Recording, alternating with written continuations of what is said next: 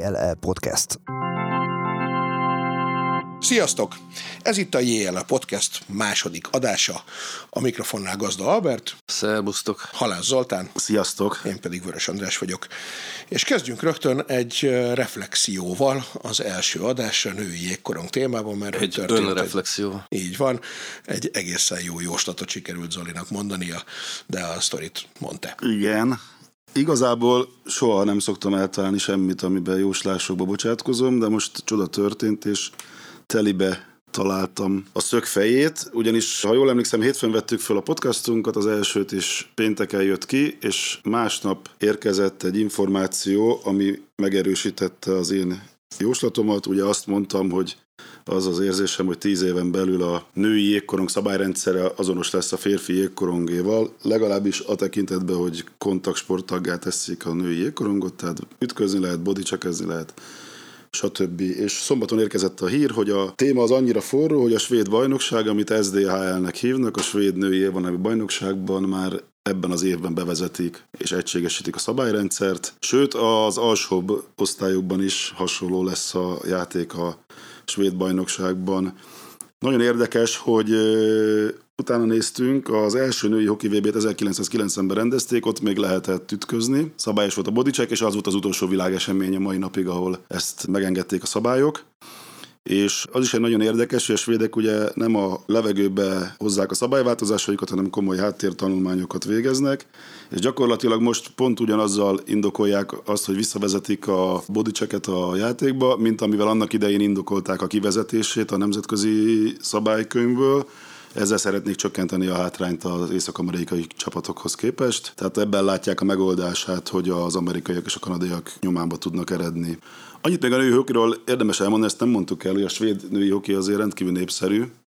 Beszéltünk is a, a nézőszámokról, most kikerestük, hogy tavaly a Luleo és a Brines nevű csapat játszotta a svéd döntőt, ahol az előbbi nyert 3-2-re, és az ötödik meccset azt 7800 néző oh. rendezték Svédországban, ami igen dicséretes teljesítmény. A színvonalról annyit, hogy ezeken a meccseken 20 olyan játékos játszott, akik aztán az olimpián is részt vettek. Hát 7800 néző Magyarországon klubcsapatok meccsén talán egy régi Fradi Dózsán annak idején, nem? Hát a, a kis stadionban ugye ez mindig elő szokott jönni, hogy a kis stadionban 15 ezer néző előtt, de ugye azt sem át tudni, hogy a kis stadionban nem volt minden meccsen 15 ezer néző, hanem csak, hanem csak nagyon ritkán volt. Ez valamiért Befért úgy él, valamiért úgy él, hogy mindig ennyi volt, nem, nem, korán sem. Igen, ez egy városi legenda, de erről írtunk is talán a könyv könyvben is, hogy hát én azért több olyan szombat, vasárnapi Fradi Újpesten voltam, ahol százan, kétszázan voltunk, tehát ez, ez, hogy ott mindig teltház volt, ezt valaki valaki kitalálták, és majdnem... Hát igen, meg a 15 ezer azért az nagyon sok. Hát vagy 10 ezer is. Mert hát a, talán a sportcsarnok volt 10 ezeres. A, ne, a kis stadion nagyon nagy volt. volt. Nagy volt, nagy volt. Én nem tudom, befértek. 10 ezeren biztos befértek. Aha. Szerintem jégkorongon is befértek, hát ugye ott nem kellett zárni semmit. Nem, ott nem, meg semmilyen biztonsági intézkedés nem volt. A BS nem volt akkor, azt nem, az csak 7000-es volt. Az első? Igen, a régi BS. Nem, az, nagy volt az is. Nagy az volt szerintem nagyobb volt, mint a mostani. De ugye már is belementünk egy olyan témában, amit fejből nem tudunk. ki fogjuk googlizni az adás De nem, én úgy emlékszem, hogy a BS-ben is volt tízezeres nézőszám, ugye a legendás Fradi Dunajváros döntőn, Igen. aminek azért számára megint csak nem emlékszem pontosan. Ott is sok, sok teltházas meccs volt, egy bajnoki döntő, Fradi Újpest is volt teltházas. Az Erste Ligába is kívánjunk akkor 7000-es vagy hát 7800-as bajnoki igen, döntő. Kívánjunk egy 7800-as csarnokot az Erste. Most már van akár 20 ezer csarnokunk is. Az is igaz.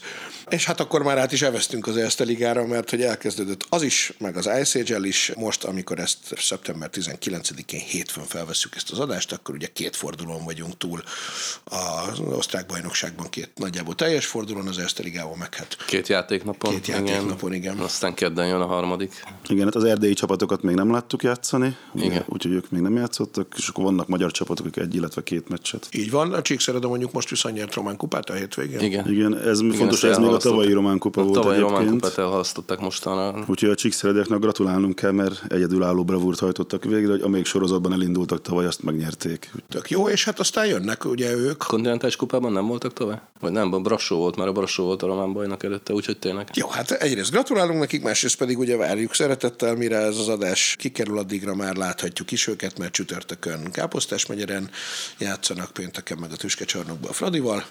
Mit, lát, hát, mit láttunk eddig? Vagy, de hát mit láttunk? Vagy kezdjük még hátrébről? Kezdjük még hátrébről. Kezdjük az alapoktól. Igazolások, erősítések erősítősek, távozók, Hát meg, csapat, hát meg csapatok, ugye ott kezdődik, tehát azért ugye megint az van, hogy a mezőny azért nem pontosan egyezik a tavalyi mezőnye. Eredetileg nem is tudom, vasas projektnek lehetne mondani, vagy nem tudom, hogy minek mondjuk, mert ugye a végén már nem volt vasas. De mondjuk Vasasnak, mert annak indult. De vasas projektnek indult, ugye tavaly Győri projekt volt, és sajnos kifújt. Nem tudom, hogy a Győri együttműködés nem váltotta be a hozzáfűzött reményeket, vagy eleve a projekt nem váltotta be a hozzáfűzött reményeket minden esetre. Több-kevesebb sikerrel végigjátszott néhány szezon után ez a dolog befulladt. A legemlékezetesebb talán a Brassó elleni negyed döntő volt két évvel ezelőtt, ami ugye nagyon szépen sikerült az akkor még Vasasnak, ugye? Igen. 4-3-mal, az volt a legnagyobb sikerük talán, nem talán egészen biztosan.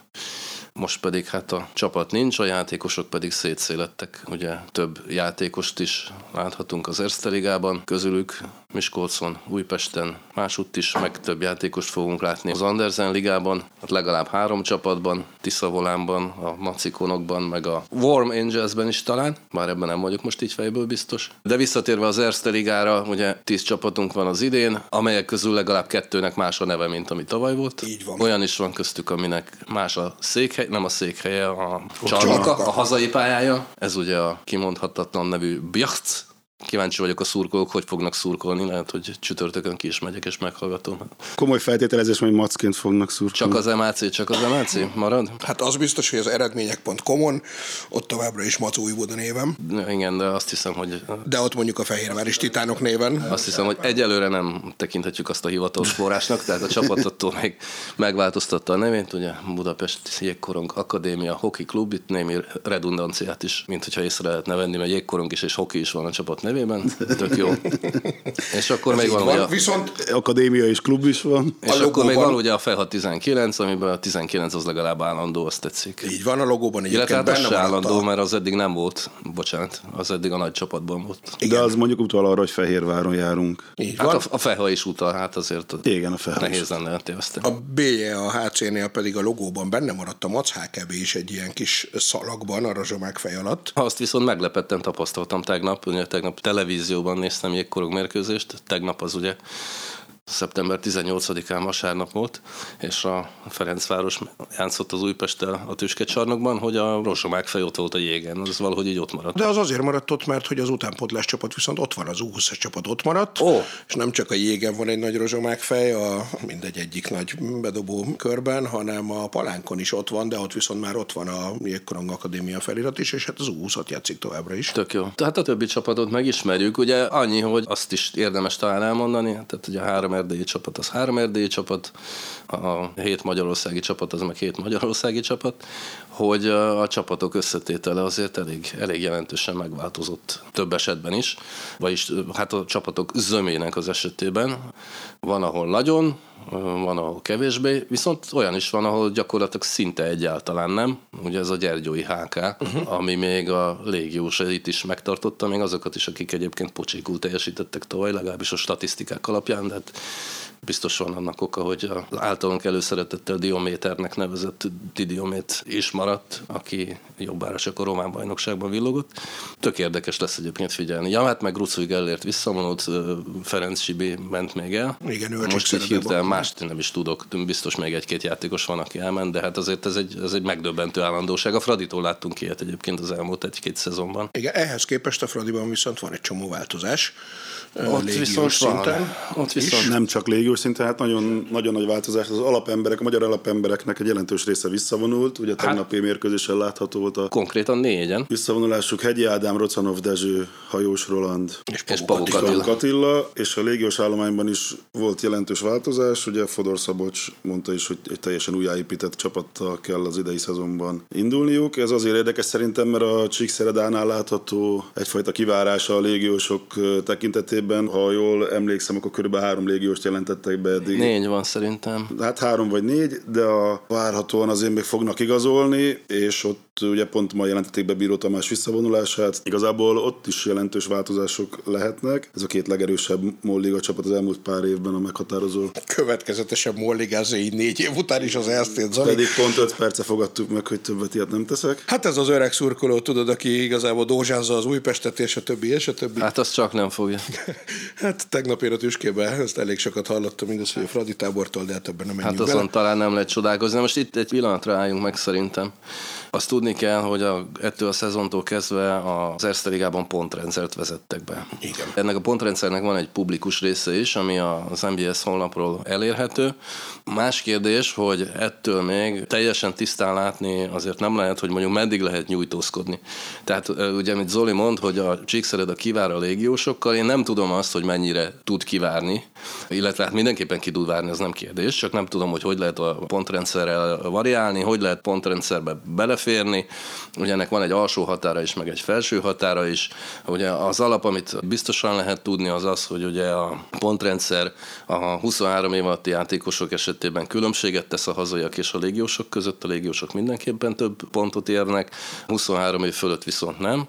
És ha jól értem ezt a történetet, akkor ez ugye elsősorban arról szól, hogy a fiatal játékosokat preferálja a rendszer. Igen, De bocsánat. mondom, hogy most akkor ki és hány játékos és milyen játékosokkal fér be a pontrendszer felső határa alá, vagy hogy mondjuk a tavalyi Csíkszered a keret például Én azt hiszem, befért hogy volna, vagy én sem, azt olvastam, nem hogy, tudom. A, hogy a tavalyi Csíkszered a keret az még pont befért volna egyébként alá. Akkor még bőven van játék a Csíkszeredának ezzel a... De ezt csak egy ebben szurkolói a- a olvastam, persze, tekintetben. tehát nem hivatalos A információ. szurkolóknak mindig A igazuk van. szurkolóknak biztos mindig igazuk van, vagy nincs. De csak azért, mert mi is szurkolók vagyunk. Igen. Szóval, hogy én azért nem mennék erre mérget, hogy befért volna. Egyébként a pontrendszer az ugye nem az egész keretre érvényes, hanem az adott, ha jól értem, hanem az adott meccsekre nevezett. Aha, nevezett tudtam, és hadd vágjak még közbe egy kérdést ide, hogy azt mondod, hogy van. Alsó határ is, az azt jelenti, hogy egy bizonyos pontszámot meg el kell érni? Tehát nem Hát úgy konkrétan, ki? konkrétan nem állhatsz úgy ki, hogy 22 játékosod van, és mindegyik 23 évnél fiatalabb, és egy se volt mondjuk válogatott semmilyen szinten. Ó. Tehát akkor ez nulla pont, és lehet, hogy hülyeséget mondunk, de szerintem 18 a minimum, Aha. és talán 56 a maximum. A pontrendszert annak idején, és most egy picit oldalt ugrok, ugye az Ebel esetében azért sokszor kárhoztattuk a pontrendszert, mert el nem tudtuk képzelni, hogy hogy a fenébe férhet be mondjuk egy Salzburg vagy egy Bolzano, ami 20 légióssal vagy 18 légióssal álltak fel. Biztos megvolt ennek is a maga trükkje, tudja a fene. De én úgy emlékszem, hogy az Ebelben négy pont volt a maximum egy játékos esetében, és hogyha jól értem, akkor az Erste Ligában ez korán sincs így, lehet több is, de tényleg láttam ilyen-olyan anyagokat, az nekem bonyolult volt, hogy elsőre értsem, szerintem gondolom majd idővel ez ki fog kristályosodni, és jobban meg fogjuk ismerni, vagy jobban meg fogjuk érteni. Pláne, hogyha teszem azt, és ez például, ha már itt tartunk, nem biztos, hogy hülyeség lenne, bár lehet, hogy fölösleges vitákat generálna, de én például nem bánnám, hogyha nyilvános lenne, hogy egy-egy játékosnak mennyi a pontértéke, mert akkor lehetne igazán tisztán. Mert hogy az nem nyilvános, és nem is kiszámolható? Nem. Hát elben kiszámolható, de mondom tényleg bonyolult, tehát itt tizedesre kerekítések vannak, meg mit tudom én, mik vannak, meg megvan adva, hogy mondjuk egy adott liga hány pont, de hogy az adott ligában szereplő játékos, hogyha közvetlenül az adott ligából jön, akkor az annyi pont, de hogyha x évvel később jön, akkor az már kevesebb. Igen, tehát ha valaki volt a KHL-ben egyszer az életében az X pont, de hogyha meg most közvetlenül onnan Igen, akkor meg, az akkor meg pont. több. Akkor meg több. Hát ugye itt az lenne a, a cél nyilvánvalóan, hogy közelítsék a csapatoknak a játékereit egymáshoz. Nem tudom, hogy ez a jó módszer, nekem fogalmam sincsen. Majd meglátjuk. Viszont, bocsánat, csak még egyet. Ugye ez azt jelenti, hogy a légiós korlát el van törölve, ami eddig hat játékos volt, de szintén mérkőzésenként.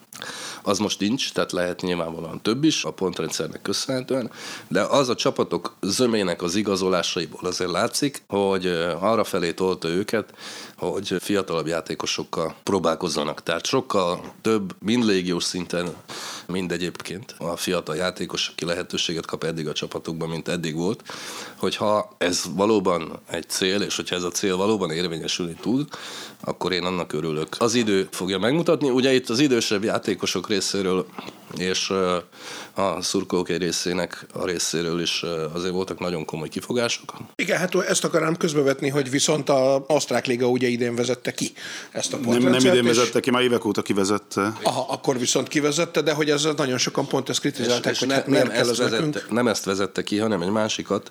Az biztos, hogy az osztrák ligában, hát hogy is mondjam, Az osztrák ligában azt tapasztaltuk, hogy semmilyen módon nem segítette a hazai játékosoknak a szerepeltetését, de valószínűleg nem is volt Bocsánat, ilyen tehát cél. Az, az ebben ugye nincsen köze az osztrák szövetséghez, vagy nem, nem volt köze akkor, nem tudom, hogy most van-e, az ISS, legyenek a hülye nevűnek, és akkor ez nagyon nagy konfliktus volt, hogy az ebelt nem érdekelte, hogy hány osztrák játékos játszik, ők egy hát európai, európai tenni. versenyképességű ligát akartak megalkotni, ők örültek annak, hogy nagyon erős légiósokon raktak tele magát minél több csapat. És akkor tulajdonképpen az ő pontrendszerüknek nem is az volt a lényege, hogy a hazaiakat szerepeltessék, hanem hogy ne legyen az, hogyha valaki nagyon gazdag, akkor meg már annyira ők kiegyenlítettséget akartak, ami, amely cél nem sikerül sosem. Én szerintem ezt látták be akkor, mikor kivezették.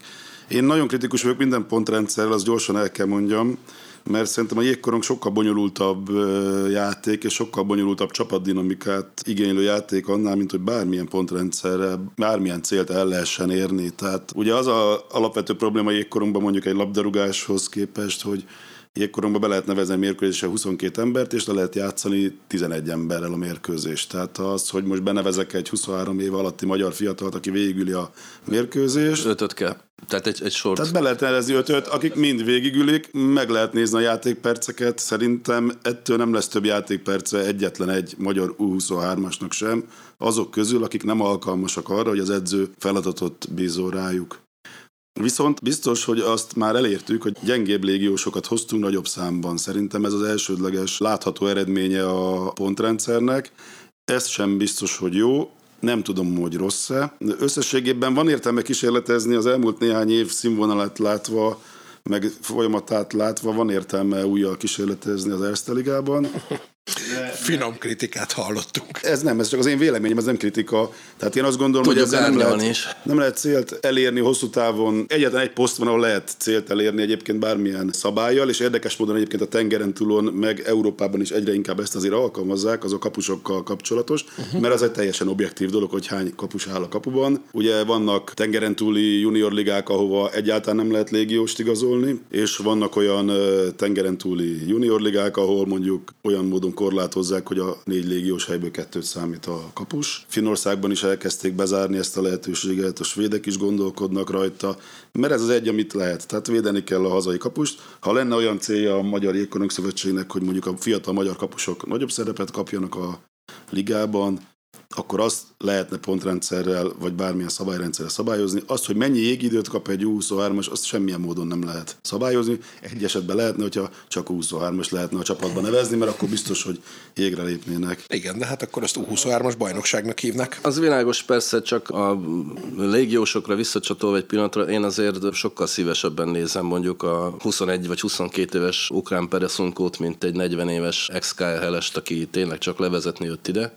Most tisztelt a kivételnek. Én most nem egy... Tényt állapítottam meg, hogy milyen igazolásokat Persze, persze, persze, csak Jevgenyi Szkacskovot szívesen nézem, de például Szergei Gosztyicint nem szívesen néztem a Magyar Ligában, el is küldték, hál' Istennek. Szóval, hogy az, hogy fiatalabbak felé mozdul a rendszer, ha így lesz egyébként, tehát mondom, még nem látjuk a, se a pontrendszert, nem látjuk se a csapatok stratégiáit, nem látjuk úgy Isten igazából, de az, hogy fiatalabbak felé mozdul a rendszer, az szerintem jó. Vagy az, hogy U23-as játékos csak azért, mert U23-as tényleg nem fog 20 perc jégidőt kapni. De lehet, hogy több esélye lesz arra, hogy kapjon jégidőt, mert átíródnak a hang, vagy átkerülnek a hangsúlyok. A, a, tehát, hogyha idehozol egy 10 eurós vagy egy 5000 eurós légióst az nhl az biztos, hogy játszhatni fogod már. Arra még visszatérnék, hogy a pontrendszert kritizáltam, vagy hát kritikai megjegyzést tettem rá a saját szemszögemből. A légiós létszámkorlátozásra ugyanez vonatkozik, hogy volt ugye mindig egy létszámkorlát, 5 vagy 6, itt volt játék a kapusokkal is valami, még az elején emlékszem, hogy Igen. meg volt egy korlát, de hogy ott is azért komolyan borult ez már az utóbbi években végképp a honosításokkal. Tehát volt olyan csapat, ahol valóban hat légiós volt, de mondjuk mellette volt 6-7 honosított, ami nyilvánvalóan megint csak azt kell, hogy mondjam, hogy akkor ilyen értelemben a légiós korlátozásnak sem volt gyakorlati haszna. Tehát az... Igen, hát erre egyébként ki is térhetünk, mert ez mondjuk nekem is veszőparipám volt mindig is, tehát gyakorlatilag ugye 10 évvel ezelőtt, vagy nem tudom, nincs is még 10 éve, talán 7-8-9 évvel ezelőtt ugye elindult egy trend a honosításra, ami gyakorlatilag a válogatott érdekében történő honosításokat jelentett. Ugye mindenki emlékszik a nyájas hallgatók közül a 2015-ös krakói világbajnokságra, ahol Frank Benem és Andrew Sarraua ugye abszolút kulcs szerepet játszott abban, hogy a magyar válogatott feljutott az átcsoportba. De az utóbbi néhány évben egyébként ezek a honosítások, hiába mondta bárki is azt, hogy MHE, ezek a honosítások azért tényleg nagyon-nagyon sok esetben kizárólag a klubok érdekeit szolgálták, attól még, hogy ők azt mondták, hogy mi így meg úgy. Azért nem volt egészen igaz, és hát tényleg elég abszurd helyzet állt elő, amikor gyakorlatilag 10 légiós állt fel egy csapat, mert valahol kitalálták, hogy X vagy Y-nak magyar gyökerei vannak. Akkor itt már át is nevezhetünk a... Még, bocsánat, még, még azért egy, egy picit, tehát ugye voltam meccsen pénteken, megnéztem a Miskolc, illetve Újpest Miskolcot, bocsánat, Újpest DVT-ket. Tökre élveztem egyébként, de nagyon pörgős élénk meccs volt. A színvonalban nem mennék különösebben bele, és azért voltak hibák is. De az például, hogy mit tudom én, egy Galajda vagy egy Lővei 15 perc jég, minimum 15 perc jégidővel ment, és pontok tömkelegét szerezték fiatal játékosok, az szerintem nagyon rendben volt. Nem tudom, hogy ez mire lesz elég, vagy mennyire lesz elég, de az biztos, hogy mondjuk nekem ez a Miskolci projekt sokkal rokonszenvesebb, mint a korábbi Miskolci projekt, amikor ugye minden arra lett feltéve, hogy nyerjünk meg mindent. Egyébként az is eredményes volt, tehát most nyilván nem lehet azt várni, hogy a szurkolók annak örüljenek, hogy most akkor nem mi fogunk nyerni még néhány évig, mert, mert inkább fiatalítunk. Biztos örömteli volt megnyerni háromszor egymás után a Molligát, majd az Erste. De amikor tényleg azt látom, és itt ugye nem arról van szó, hogy tehát nyilván ezt a helyet, hogy mondjuk az első sor úgy álljon fel, hogy Galajda Lővei, Matyasovszki, azt ki is kell vívni, meg egyébként az első támadó trió elsősége az végül is csak egy edzői döntés, azon múlik, hogy hova írod be, de tényleg gyakorlatilag minimum három sor kapott nagyon sok jégidőt, és a negyedik is valamennyit, és ha lehet azoknak a játékosoknak egyébként fejlődniük, akikben alapvetően van valami, és ezt egy ilyen projekt, vagy egy akármi, vagy egy ilyen koncepció segíti, annak én nagyon örülök. Tehát ugye Ladányink meg Palkovicsunk is úgy lett, hogy meg ocskaink annak idején egy semmivel sem színvonalasabb bajnokságban, mint a mostani, sőt, hogy megkapták a lehetőségeket kölyökként. Kivívták maguknak, és megkapták. Hát meg amúgy is elmondhatjuk talán nem, hogy minél kevesebb az administratív korlátozás, annál kevesebb dolgot kell megtanulni kijátszani, mert hogy a élet az meg ilyen, és hogyha már itt a honosításoknál tartunk, meg a változásoknál, akkor így rögtön eszembe jut, hogy vajon mi történt Scott McCauley Ákossal, aki ugye Ákos néven lett magyar játékos, mert hogy ugye több fontos visszavonuló is van, akit még nem említettünk, mert hogy Kogerről sem Hát, lehet nem, én- én én, kevés- vagy... Ugye két átcsoportba jutott válogatott Igen. játékosunkról van szó, Kogel Dánielről és Scott McCauley-ról. Hivatalos információnk nincs róluk, az biztos, hogy jelen pillanatban nincsen csapatuk. Ez bármikor változhat. Nem, hát az biztos, hogy nem tudjuk, hogy mi van velük. Nem, az biztos, hogy nincsenek Hát nevezve. senki, egy csapat sem jelentette be az ő leigazolásukat. Se a leigazolásukat, se a visszavonulásuk. nincsenek- Így van, tehát nem, nem azt Se mondom, az elbúcsúztatásukat, se semmit, ami egyébként minden nyáron, vagy nyár végén, vagy szezon előtti időszakban. Ezen én mindig nagyon nagyokat szoktam csodálkozni, hogy egyszerűen eltűnnek játékosok, és nem a harmadik, negyedik sorokból, hanem tényleg játékosok. Hát most ugye minimum kettő, de lehet, hogyha gondolkodnánk, akkor még több is eszünkbe jutna. Hát ennél, ennél azért a, a említett ö, zöld-fehér kvartett ö, vasárnapi búcsúztatása azért sokkal rokonszemesebb volt. Hát, ha feltűnnek, vagy hát, ha lesz információ, egyébként ennek majd igyekszünk utána nézni, meg utána kérdezni, hát ha valahonnan megtudunk valamit a következő adásra. Reméljük, hogy kiderül majd, hogy, hogy hol vannak ők, ha pedig visszavonultak, akkor boldog nyugdíjas éveket kívánunk az öreg 32 éves embereknek. Én meg a Miskolc kapcsán még rácsatlakoznék Albert gondolatára, ugye, hogy a Miskolcnak a mindent megnyerős bajnoki címe után volt egy két éves extraligás, szlovák extraligás kalandja, és az egy nagyon érdekes megtapasztalás volt, hogy a magyar szurkolók azok nem elsősorban csak és kizárólag a minőségre mennek mérkőzésre, hanem a siker és az eredményességre is. Azt feltételezem, hogy a Miskolcnak az első évben, amikor extraligában játszott, erősebb és jobb csapata volt, mint abban az évben, amikor magyar bajnok lett. Háromszor egymás után. Igen, vagy azokban az években, tehát abból a háromból bármelyikben, annál szerintem jobb volt, és ennek ellenére ugye nem sikerült túl eredményesre az a szezon, és elfogytak a nézők, vagy megfeleződtek, és pont most, hogy Albert mondta ezeket a fiatal miskolci srácokat, tehát hogyha ezek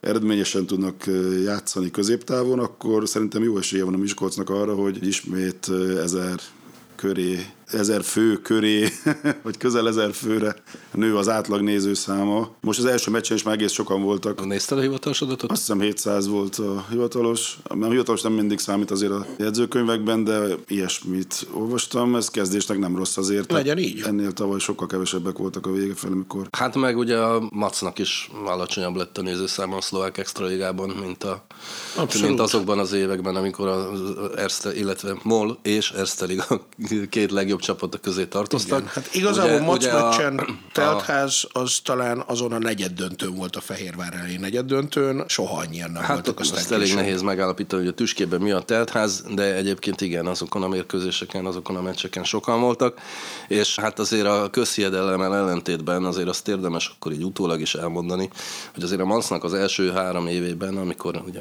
ha jól emlékszem, mind a háromszor döntőt játszott, és abból egyet meg is nyert, azért elég rendes nézőszámai voltak. Igen, Eszteriga, egyébként a- a MOL és Eszteriga viszonylatban, tehát Aha. ilyen 6-800-as nézőszámai voltak sokszor, szezon közben is, ami mind a kettő magasabb volt egyébként, mint mondjuk a tradicionális Újpest, és akkor éppen hát lényegesen kevésbé erős Fradinak a, a nézőszámainál, annak ellenére, hogy ugye mindig gúnyolták szegény macot. De aztán a, a szlovák extraiga viszonylagos sikertelensége, az azért ott is visszavett. Meg az ellenfél ismeretlensége, bocsánat, tehát én, mint, mint szurkoló, ugye sokszor ezt is valahol érzem, hogy bár én egyébként imádtam nézni a szlovák csapatokat, mert nagyon szépen koriztak, meg tök szépen játszottak, meg minden, de hogy azért az sem mindegy, hogy a másik oldalon a, az ellenfél is olyan, akit valamennyire ismersz, eh, ahol akár az ottani szurkolókkal is jóba vagy, vagy rosszba. Nem tudom, ezt én soha nem értettem, de ugye én ebből a szempontból nem vagyok mérvadó, hiszen én nem voltam klubszurkoló soha. Igazán én sem. Ö, és nem, bocsánat, csak én, én azt gondoltam volna, hogy itt azért a szlovák extraligában azért komoly nézőszámok lesznek, hiszen gyakorlatilag minden meccs egy magyar-szlovák meccs is volt. És azt gondoltam volna, hogy a nemzetközisége a dolognak, meg a presztízse a dolognak, meg a színvonala is egyébként a dolognak, az majd azért sokkal több nézőt fog kivinni, ez egyáltalán nem volt így. Fehérváron egyébként az ebben ez így van, bár ugye Fehérváron az azt megelőző években is azért a tradíciók miatt mondjuk a Fehérvár Dunai város meccseken is azért voltak szép nézőszámok. Hát nyilván egy kisebb városban, ami nem milliós, ott azért ez az identitásnak egy fontos része tud lenni. hogy... Hát de Miskolcon is. Igen, persze. Hát ugye a Macnál nem feltétlenül, de Miskolcon azért játszhatott volna, vagy ez a Fehérvár képlet érvényesülhetett volna. Annál is inkább, hogy az előző bajnoki címek alkalmából azért a közönség az úgy összegyűlt. Igen. Hát erre ugye én nekem van egy olyan sztori, ami nem is jégkorongos egyébként, hogy amikor a Sport egy TV annak idején elvesztette, vagy elkerült onnan a magyar foci közvetítés, a magyar NB1-nek a közvetítése, akkor az egyébként valószínűleg sok hallgató által ismert Galuska a barátunk, aki a Trestok szerkesztője például. Beszélgettünk, és mondom, hogy ó, de hát biztos nem gond ez nektek, hát ott van nálatok a spanyol, az angol, a nem tudom melyik. És azt mondta, hogy figyelj, az van, hogy az összes külföldi bajnokságot fociba összesen nézik annyian, mint a magyart, amin nagyon meglepődtem, aztán utána én is megfigyeltem magamon ilyeneket, hogy egy álmos szombat délután képes vagyok egy három órát is elnézegetni egy mezőkövesd akármi foci meccset, csak azért, mert hogy valahogy így én ott már voltam, ha a stadionban nem is, de a városban igen, tehát hogy valamilyen kötődés van, és ehhez képest egy, tehát hogy nem a játék színvonala az, amit feltétlenül egy szurkoló, pláne aki már klubszurkoló és hűséges és oda megy, hanem a hangulat, ami meg adott esetben nem attól függ feltétlenül, hogy hány szép trükköt látsz a jégen, hanem Ez is azt mutatja, hogy többféle szurkoló van. Engem jobban érdekel a játék minősége, mint hogy kimutatja be. Tehát engem például kifejezetten lenyűgözött néhány szlovák csapat, akit a Mac és a DVT-kel láttam. Szerintem ennyire brazilos, technikás, nagyon ügyes hokit uzamosabb ideig nem lehetett még Magyarországon látni. Tehát Ne és félre, én is imádtam szlovák nézni. extra ligához képest az Ebel az egy nagyon kanadai stílusú játék, aminek szintén megvannak a maga szépségei, de itt mondjuk a tüskecsarnokban, meg Miskolcon pedig tényleg olyan megoldások, meg olyan, olyan laza, régi hokit idéző, ügyes, gyors mozgásokat lehetett látni, amik cirkuszi minőséget jelentettek. Ezeket a szurkolókat nem a játék tántorította el a mérkőzés látogatást, hanem a sikertelenség. Tehát, hogy a tízszer kikap a csapat a is zsinórban, miután háromszor bajnok voltál, az fáj, meg az nem olyan jó nézni.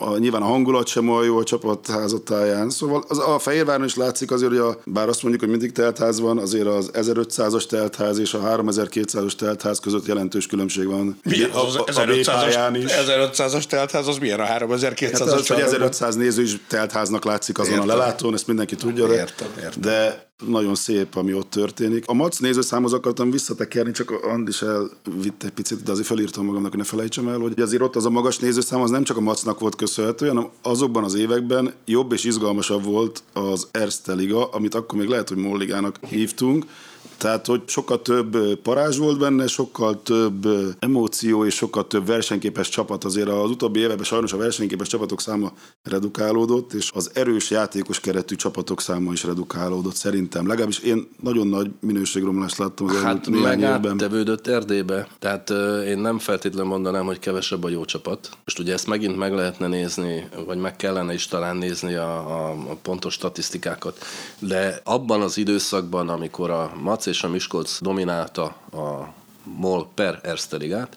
Abban az időszakban ugye ez a két csapat volt messze a legerősebb, és az erdélyi csapatok azok teljesen hullámzóak voltak, ugye Gyergyó nem is volt, a Csíkszereda az egy időben középcsapat volt, egy időben pedig vegetált, a Brassó meg szintén tök hullámzó volt, ugye a Brassónak is volt egy olyan, olyan éve, amikor tök utolsó volt gyakorlatilag, és nem tudom, pont a Mactól 18 vagy 19 gólt kapott már. Igen, ott ráadásul valami Tehát fura ez, is ez így, Hát gyakorlatilag junior játékosokkal játszották végig azt a szezont, és még hát egy-két rutinosabb hokisuk volt azt hiszem összesen, ugye nem volt pénzük. Most viszont évek óta azt tapasztaljuk, hogy azért Erdélyben három jó csapat van, és mind a három esélyes a bajnoki címre. Magyarországon pedig hát a legesélyesebb és a legerősebb eddig a Csíkszereda, ugye most leginkább a Gyergyó próbál vele versenyezni, de a Brassó is, bár ott komoly átalakulások voltak az idén, nagyon kíváncsian várom, hogy mi fog ebből kisülni. Szóval a lényeg az, hogy Magyarországon viszont a Extraliga projekt után visszatérő két bivajerős csapat az ugye nem lett bivajerős, a Fradi lett helyettük nagyon erős, néhány szezon erejéig, remélem, hogy az idén sem lesz gyenge, de azok a játékosok, akik egyébként a magyar csapatok színvonalát emelték korábban, még azok közül is ugye nagyon sokan átkerültek, vagy visszakerültek, vagy átkerültek Erdélybe. Ugye a visszakerülteket mondjuk Rejszáronra, Péter Andorra, Sofron Istvánra mondom, bár ő nem visszakerült, hiszen ő nem Erdélyben nemelkedett, csak Erdély, Erdély gyökerű. Meg egyszerűen átkerültek, hát mit tudom én, hát a Gyergyóban is ugye a két Vince például, meg még sokan mások, Szig, Szigeti Ákos, és Bodó. nem beszélve Brans Orbánról és Chris Bodóról, akik ugye gyakorlatilag évek óta dominálják az Erste Ligát.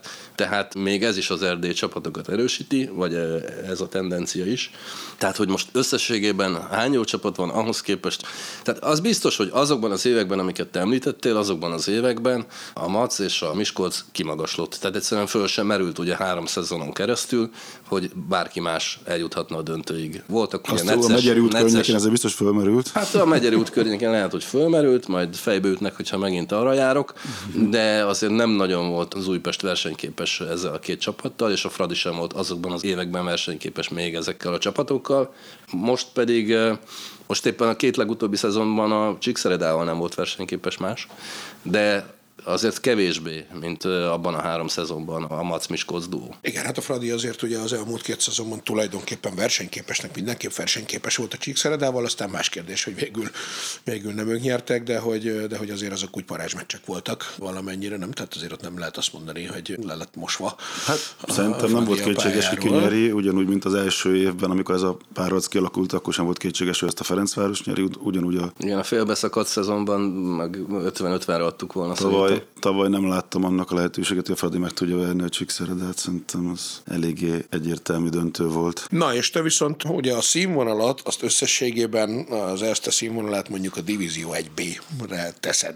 Nem, ez egy bonyolultabb kérdés. Na, akkor fest ki. Én azt mondom, hogy a, ugyanúgy, hogy a Albert az előző adásban elmondta, hogy az Ebel szereplését a Fehérvárnak, annak a sikerességét, meg a hasznát azon keresztül méri le, hogy a magyar játékosok milyen módon tudnak ebben részt venni, és mit profitálnak belőle. Én az Erste Liga értelmét is abba látnám, hogy egy, hiszen azért jött létre az OB egy helyén, vagy helyett, hogy a magyar játékosok magasabb színvonalú bajnokságba tudjanak versenyezni, mint hogyha csak magyarországi bajnokság lenne. Ez ugye először nem két országos bajnokság volt, hanem sokkal több ország vett részt benne, mint most.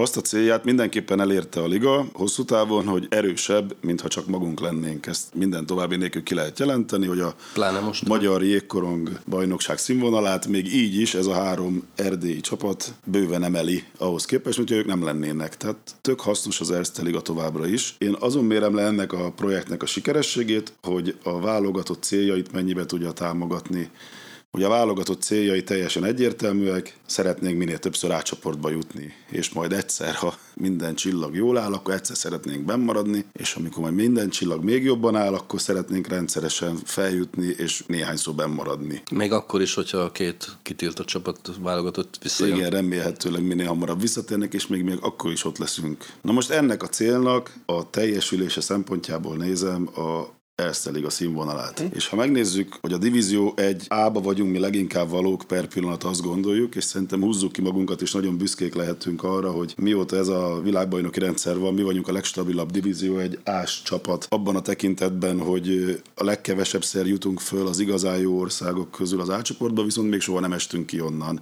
Miközben a lengyelek, a japánok, a, a ukránokat a már britek, is szegényeket. A britek, a koreaiak kiestek. Innen mi még nem. Ez egy nem lebecsülendő teljes teljesítmény, és az a kérdés, hogy ez a mi bajnokságunk által mennyire van megtámogatva, hogy mi innen még előre tudjunk lépni, és szerintem ennek a célnak nem felel meg az Erste Liga színvonala.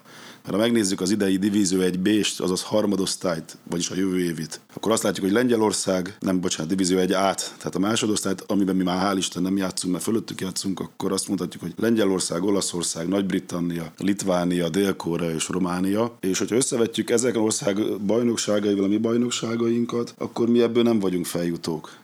Tehát ezzel az Erste Ligával mi ebből az osztályból soha az életben nem jutnánk fel az átcsoportba. Hát a brit bajnokság és... az nyilván sokkal erősebb gondolom, mint a miénk, de hát ott az megint csak légiósok által dominált, jól tudom, hogy hát vagy azért nem, vagy. Azért nem csak, hát gyakorlatilag a brit válogatott szinte teljes egész az EHL-ben játszik. Jó, hát van ott játékos lesz, azért, de mondjuk ez, is persze. Ezt, ezzel mi is éltünk ezzel a, a módszertannal, és akkor ebben a rendszerben még nem említettük, hogy tényleg nincs bent egy orosz meg egy fehér orosz, aki azért szinte mindig átcsoportos, tehát hogy kettővel még toljuk lejjebb, tehát itt akkor mondjuk a Kórea, meg Román vagy a Litván Román kiesik, és még föntről lejön mondjuk egy szlovén vagy egy, vagy egy osztrák mi mellénk, tehát hogy, hogy ebbe tekintetben Divízió 1B és a magyar bázisú nemzetközi bajnokság értem. szerintem. De ez ugye persze nem teljesen kimutatható, csak hát azt, azt láthatjuk, hogy az átcsoportra semmilyen szinten nem készít fel az Erste Liga, de arra még az EBL sem nagyon. Tehát azért az EBL jelen pillanatban nemzetközi szintéren, hogy mondjam, látható utolsó bajnokság. Tehát, hogy ami az alatt van, az nemzetközileg nem nagyon érdekes színvonalát tekintve. Tehát azok a velünk talán egy szinten említett ligák, ide sorolhatjuk talán a, az angolt vagy a brit ligát. Azért a brit is fölöttünk van hát valószínűleg. nézőszámban, meg szervezettségben, meg, meg Hát meg mondjuk meg a, mondjuk a csapataik, nem tudom, kontinentális kupa produkcióját tekintve. De én akkor a lengyel is. Tehát, hát ez... a lengyel, egyébként igen. Na, tehát azért mondom, hogy ezeket én... soroljuk az ebben alatti kupacba magunkat, meg És a lengyeleket. lengyel az ugye tisztán lengyel. Magunkat, a lengyeleket, a briteket. Hát itt körülbelül... az általad felsoroltak közül nagyjából a román és a litván. Olaszoknak most három ebel csapatuk van, hát az Alpesi, igazából az Alpesi Liga az, ami a mi színvonalunk, ugye ez ki is derült, amikor a Dunajváros játszott ott, bár nem szerepelt rosszul, de akkor a Dunajváros egy nagyon erős magyar csapat volt, és így sem sikerült megnyernie. Hát a második legerősebb volt a volán mögött, teljesen egyértelmű. Igen. Egy koreai bajnokság, az Ázsiai Liga, azt nem kell mondani, hogy elég jó felkészít tehát, hogy, hogy mi ennek a D1 alján van a mi bajnokságunk. Azért nagyon érdekes ellentmondás a válogatott szempontjából, hogy ugye nagyon sokáig nagyon kevés ligás játékos játszott a válogatottban világbajnokságon. Most puskázni fogok, mert múltkor megbuktam memóriából, úgyhogy Úgyhogy az, azt kell mondjam, hogy az egy nagyon érdekes dolog, hogy ezen a VB-n most pont, amikor feljutottunk, ugye Jubjanában, akkor nagyon-nagyon sok volt ligás játékosunk játszott, hiszen visszajött a két csapatunk a az extra ligából, és ezek akkor még elég sok játékos ott maradt a Macban, meg a Miskolcban, vagy DVTK jegesmedvékben, tehát most legutóbb Jubjánában mind a két kapusunk, a hét hátvédünkből hat, és a csatárkészletnek a fele, azaz hat csatár is Erste Ligába jött, és a csapatkapitány is Erste Ligás volt. Most összehasonlításképpen az előző vb n amit három éve játszottunk, ott összesen egy hátvédünk és kettő csatárunk volt Erste Most ez ellent mondana nekem, amit mondtam, mert most ezzel feljutottunk, azzal meg nem de mondjuk... Csak mi van akkor, hogyha itt vannak a franciák és az mondjuk, osztrákok? Mondjuk igen, tehát erre a divízió egy ásvében, ami Jubilanában zajlott, erre tekintsünk most másképpen, mint az összes eddigire színvonalát tekintve, meg abban, hogy milyen produkció kellett az átcsoportba jutáshoz. De hogy a lényeg az, hogy ha nekünk az átcsoport a tervünk, akkor ahhoz ez a, az kevés, hogy az Erste Liga adja a válogatott többségét, ez teljesen egyértelmű. Én egy picit nem tudom, hogy Levittem most közbeszól, igen, hogy most közbeszólhatok-e. Szóval igazából az a kérdés, és az az érdekes szerintem, persze, hogy az idők változnak meg minden. Annak idején 2008-ban, 2008 előtt inkább így mondanám, mert 8-ban ugye már volt ebben, azt megelőzően azért az akkori magyar bajnokság, persze volt Interliga is, ami, ami a szlovén és a lengyel csapatok részvételével nyilván több éles meccset eredményezett, de azért a magyar hoki nevelte fel az általamban már egyszer emlegetett Palkovics Otocskait, Ladányit, Szuper Levente is itt született, hogy így mondjam. Más kérdés, hogy ő ugye nagyon fiatalon kikerült a tengeren túra. Szóval, hogy az akkori színvonal is tudott olyan játékosokat kitermelni, ami akkor elég volt ahhoz, hogy a magyar magyar válogatott egyrészt átcsoportba jusson meglepetésre, másrészt ugye ezek a játékosok, és itt néhány hátvédet is megemlíthetnénk, alkalmasoknak bizonyultak arra is, hogy a Zebelben helytálljanak. Tehát ugye nyilván nem lett a Fehérvár a Ebel karrierje első éveiben nem lett meghatározó csapat, az első évben nagyon nem, a következőkben azért mert egy-két alkalommal összejött a playoff is, és azért a Palkovics vagy az Ocskai, illetve bocsánat, a, hát illetve Ocskai is még az elején, de a Ladány az simán pont per meccses játékos volt, és meghatározó játékos volt úgy, hogy 30 pluszosan kellett, vagy 30 év környéken kellett felvenniük a ritmust. Tehát, hogy az a magyar hok is képes volt arra, hogy ilyen játékosokat termeljen. De itt most akkor vissza tudok csatolni, és vissza is kell talán csatolni egy picit arra, amit az első adásban már ugye emlegettünk. Hogy most viszont tényleg azt látjuk, hogy évek óta nagyon kevés olyan játékos bukkan fel, aki így berúgja az ajtót. Tehát ugye múltkor emlegettük az itthoniak közül a Terbócsot, meg a Stipsicet, meg a Erdély Csanádot, bár ő ugye az Ebelben csinálta meg magát, de Terbócs meg Stipsic ugye a MOL per Erste ligában. És azóta is várjuk azokat a játékosokat, ez már ugye eltelt 7 év, akik majd megint berúgják az ajtót.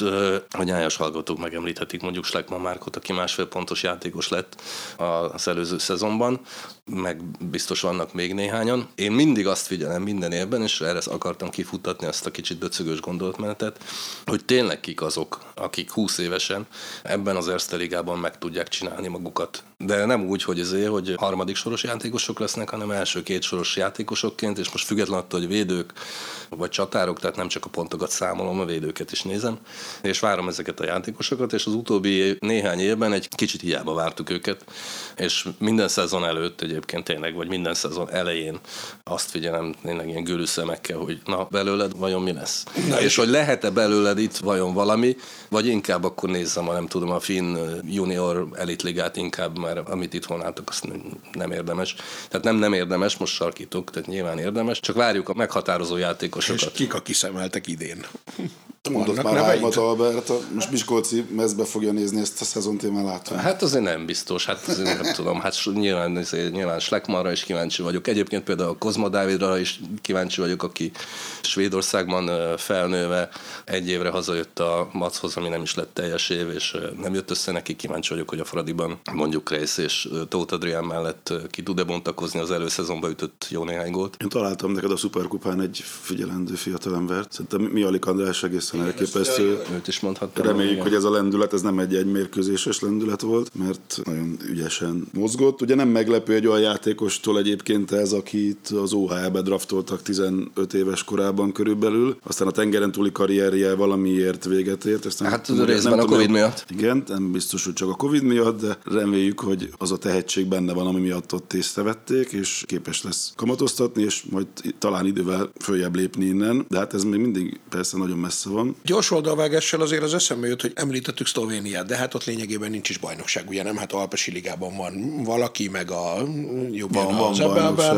van saját bajnokság. Van saját szlovén bajnokságok, rendkívül gyenge. Hány csapat van? De vannak ott szerb csapatok is, meg talán még más Most nem tudom egyébként, hogy az is. idén hogy van ez a Balkán. De hogy hát ők ugye kiszórnak játékosokat a nemzetközi térbe, és a válogatottjuk is arra. De szerintem nem? senki nem szórja ki, hanem ezek a játékosok maguk ambicionálják, hogy külföldre menjenek. Tehát, hogy ez, ez nem úgy van, hogy ül valaki a Jubjanai Jégkorong Szövetségben, és 10-ből 5 bedob a varázsgömbbe, és az elrepül, hanem úgy van, hogy ezek a srácok úgy dolgoznak, hogy el akarnak menni. Tehát amit mondjuk nagyon kevés magyar játékos csinál meg, hogy alsóbb szintű utánpotlás bajnokságból mondjuk cseh kettes bajnokságba, vagy cseh harmadosztályba kevés pénzért évekig játszva fölküzdi magát először a cseh másodosztályba, aztán akár a cseh élvonalba is. Ilyenre nem egy példa van a szlovénoknál, Ugyanilyen példák vannak, francia első másodosztályban vannak hátvédei, kapusaik, 5-10 éve ott csinálják. Egy kicsit más a hozzáállásuk, meg a mentalitásuk, mint a magyar játékosoknak. Ezek olyan utak, amik bejárhatók bárki által, aki hosszú éveken át összeszorított foggal keményen tud küzdeni a céljaiért.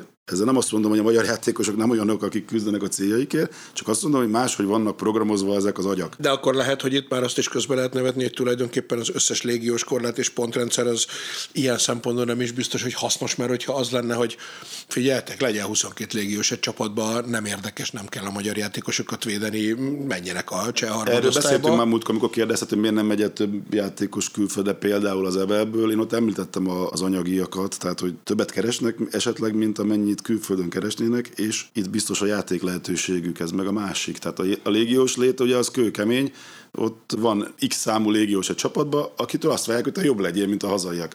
Azért az felfogható, hogy egy, akár csak egy finn másodosztályban is. Persze. Hát igen, csak nehéz annál a 15 baromira a helyéért küzdő, nagyon ügyes, a finn kiválasztási rendszeren átment, mesztiszes játékos elé kerülni. Hát erre tavaly is láthattunk példát, hogy nem sikerült. Haza kellett jönni, tehát, hogy ez teljesen más létet igényel, és teljesen más felkészültséget igényel, és teljesen más mentális állapot a kettő. Azért ne essünk bele az általánosítás csapdájába, most nem Zolinak mondom ezt.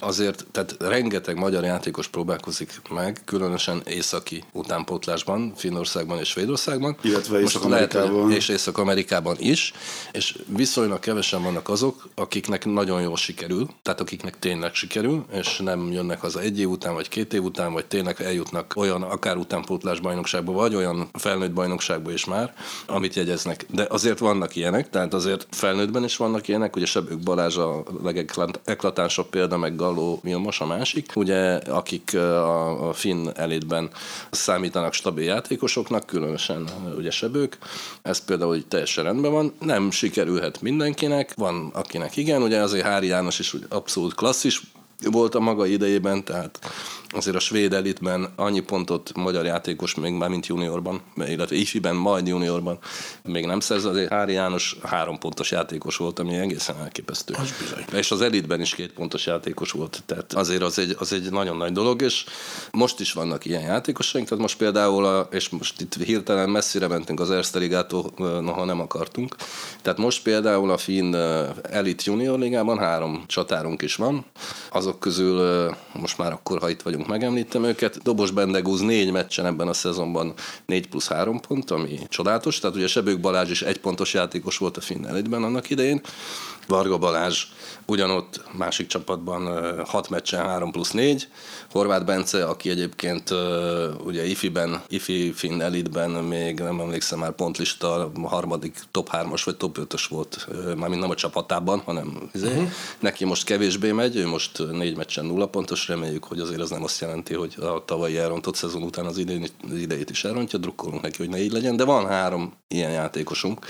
Csak ugye az Erste Ligáról beszéltünk, és arról beszéltünk, hogy az lenne a baromi jó, és nem tudom, hogy ezek a trendek, amiket látunk, ezek ebbe az irányba mutatnak-e, de az lenne a baromi jó, hogy az Erste Ligában is lenne azért évente legalább annyi ilyen játékos, mint mondjuk 2015-ben Terbócs és Tipsic. És ha már egyébként kalandozunk az Erste Ligától és magyar játékosok külföldi dolgairól beszélgetünk, akkor van két érdekesség, illetve egy játékos egy edzővel kapcsolatos érdekességünk. Az egyik az az, hogy Keresztúri Erik. Igen, Keresztúri Erik egyébként pontosan az a példa, amit a szlovénakkal kapcsolatban említettem. Ugye ő egy, egyébként Németországban nevelkedett játékos, a DNL-ben az ottani junior topligában nőtt föl, aztán ha jól emlékszem két évet hazajött játszani, amikor a... Macban játszott. Uh-huh. Amikor a Mac projekt indult, és az első év az egész jó volt, ott 20 pont fölött teljesített, a második éve viszont egy kicsit besült, és akkor távozott a Mactól, azt nem tudom, hogy ő magától vagy közös megegyezéssel, de visszatért Németországba, és ott a harmadosztályban, a Regensburgban jégkorongozott tovább, és négy évig ott játszott a német harmadosztályban, és az a csapat ez csodák csodájára tavaly felkerült a Dell 2-be. A Dell 2 az színvonalát tekintve az Ebelhez mérhető német másodosztály, most tavaly kinyitották egyébként ugye a Dellek közötti átjárás, ez sokáig zárt liga volt, Sofron István előző, vagy nem előző, de német csapata, a Delles csapata, a Krefeld ugye kiesett. Keresztúri Erik Regensburgja pedig harmadosztályba feljutott, tehát ez a két csapat a Dell 2-ben játszik már egymással és itt Keresztúri Erik az első mérkőzésen gólt szerzett, tehát egy DL 2-es gólszerzővel gazdagodott a magyar jégkorong. Gratulálunk. Ez nem mondható kis teljesítménynek, és ez egy olyan kitartásnak az eredménye, amiről az előbb beszéltem. Most igen, azt hiszem az ötödik szezonja már egyébként. Igen, ez az ötödik szezonja, négy szezon volt, a, a harmadik és az ötödik szezon. Úgyhogy ráadásul ez a csapat ez nagyon érdekes történet, hogy megszűnt egyszer ez a Regensburg, aztán 2009-ben az ötödosztályban alakult újra, és onnan most a másodosztályba ment. Miközben tegyük hozzá, hogy Regensburg maga is takaros város, tehát amúgy ott nem is biztos, hogy arra élni, ha már valakinek ez a lehetősége megadódik. Mint ahogy egyébként valószínűleg Érsekújváros se olyan rossz élni, mert hogy a másik hír az meg arról szól, hogy Majoros Gergely most már a harmadik szezonját kezdi edzőként a szlovák extraligában. Igen, igen, igen. Hát ez is egy olyan tény, amire nem nagyon gondoltunk mi az elmúlt 10-20 évben, hogy magyar edző a szlovák élvonalban szerepet kap, arra meg még kevésbé, hogy nagyon szépen megállja a helyét, és, és tényleg, ha jók a googlizási szokásaink, akkor azt állapítottuk meg, hogy két ilyen edző van per pillanat a szlovák extraligában, aki a harmadik évét kezdi, tehát viszonylag ritka ott az a türelem egy edzővel szemben. Hát meg ráadásul Érsekújváron azért azt megelőzően szokás volt cserélgetni az edzőket igen, emlékeim igen. szerint. Tehát igen. És hát pláne ugye szezononként többet volt szokás felfogyasztani. Ugye pláne, ahogy azt magától az érintettől, hogy is hallottuk, hogy azért úgy belépni először egy ajtón magyarként Szlovákiában edzőnek, hogy ne a kicsit lesajnáló furcsa nézés legyen, hogy most mit keres itt pont egy hát magyar jó, azért nem volt, is, nem volt ismeretlen. Nem volt ismeretlen, akkor hiszen már a maccal. Két persze. szezonon már túl. Hát de hogy... és azért Érsekújvár ugye azt úgy is csúfolják a szlovák extraligában, ez a magyar csapat, tehát azért ott a vezetésben is vannak magyar hangok. Persze, meg, ezt mind van egy kis közös hoki történet. Mondjuk ez... azt, hogy a szlovák hoki közeg összességében azért egy magyar edzőt vagy játékost azt, azt valószínűleg lesajnál. Nem, és nagyon, nagyon szépen szerepet az első szezonban is, tehát én szoktam nézni ezeket a közvetítéseket, és amennyit a szlovák tudásom engedélyez, annyira megállapítottam, hogy dicsérő jelzőkkel illetik a magyar szakembert. Egyébként a szezont egy szenzációs 5-1-es győzelemmel kezdték, ráadásul a legnagyobb riválisuk nekik a Nyitra, akiknek egyébként farmcsapatuk voltak korábban, most 5-1-re sikerült nyerni Nyitrán. A második meccsen is pontot szereztek, bár ott lehet, hogy illet volna nyerni talán, vagy hát hogy mondjam, az inkább kalkulálható győzelem volt az Eperjes ellen, de az is ez, ez egy négy pontos indulás egy extra ligában, az a Ésekújvárnak biztos egy nagyon szép eredmény. Egyébként azt hozzá is kell tenni, kedves szurkolók és nyájas hallgatók, hogy Érsekújvár egészen közel van a határhoz, tehát Budapesttől gyakorlatilag mennyi egy óra 20 perc alatt kb. oda lehet érni, vagy ilyesmi, és hogy vasárnap délután négykor szoktak lenni a hazai meccsek, tehát bőven ki lehet menni, és haza is lehet jönni. Én voltam már egyszer-kétszer, idén is tervezem, hogy egy-kettőre majd érdemes mi is voltunk régebben. Nagyon, nagyon szép retro csarnok. Igen, meg tök jó dolgokat lehet kapni a nem tudom, Bilában vagy a Kauflandban ott a környéken, knédlit és egyéb dolgokat is lehet hazahozni, de hát az már egy másik műsornak lesz a témája. Én azt gondolom, hogy amit lehetett már, azt kiveséztünk, bár maradtak még témák, de azok majd a következő adásban is bőven jó, ha előjönnek játékvezetéstől az új szabálykönyvig. Szerintem meg vagyunk. Jöjjenek elő majd akkor, viszont szeretnénk felhívni a kedves hallgatók figyelmét, hogyha valakinek kérdése van, bárminek szeretné, hogyha Vagy témafelvetés. utána nézne, akkor bátran kérdezzen, én is fogok tőlük majd még adáson kívül is olyanokat, amit majd a következő adásban elmondhatunk. Az e-mail címünk podcastjlkukac.gmail.com de a Facebookon is megtaláltok minket. Iratkozzatok fel a csatornákra, ahogy ezt mondani szokás, és köszönjük a figyelmet. Sziasztok! Köszönjük! Sziasztok! Ez volt a JLE Podcast.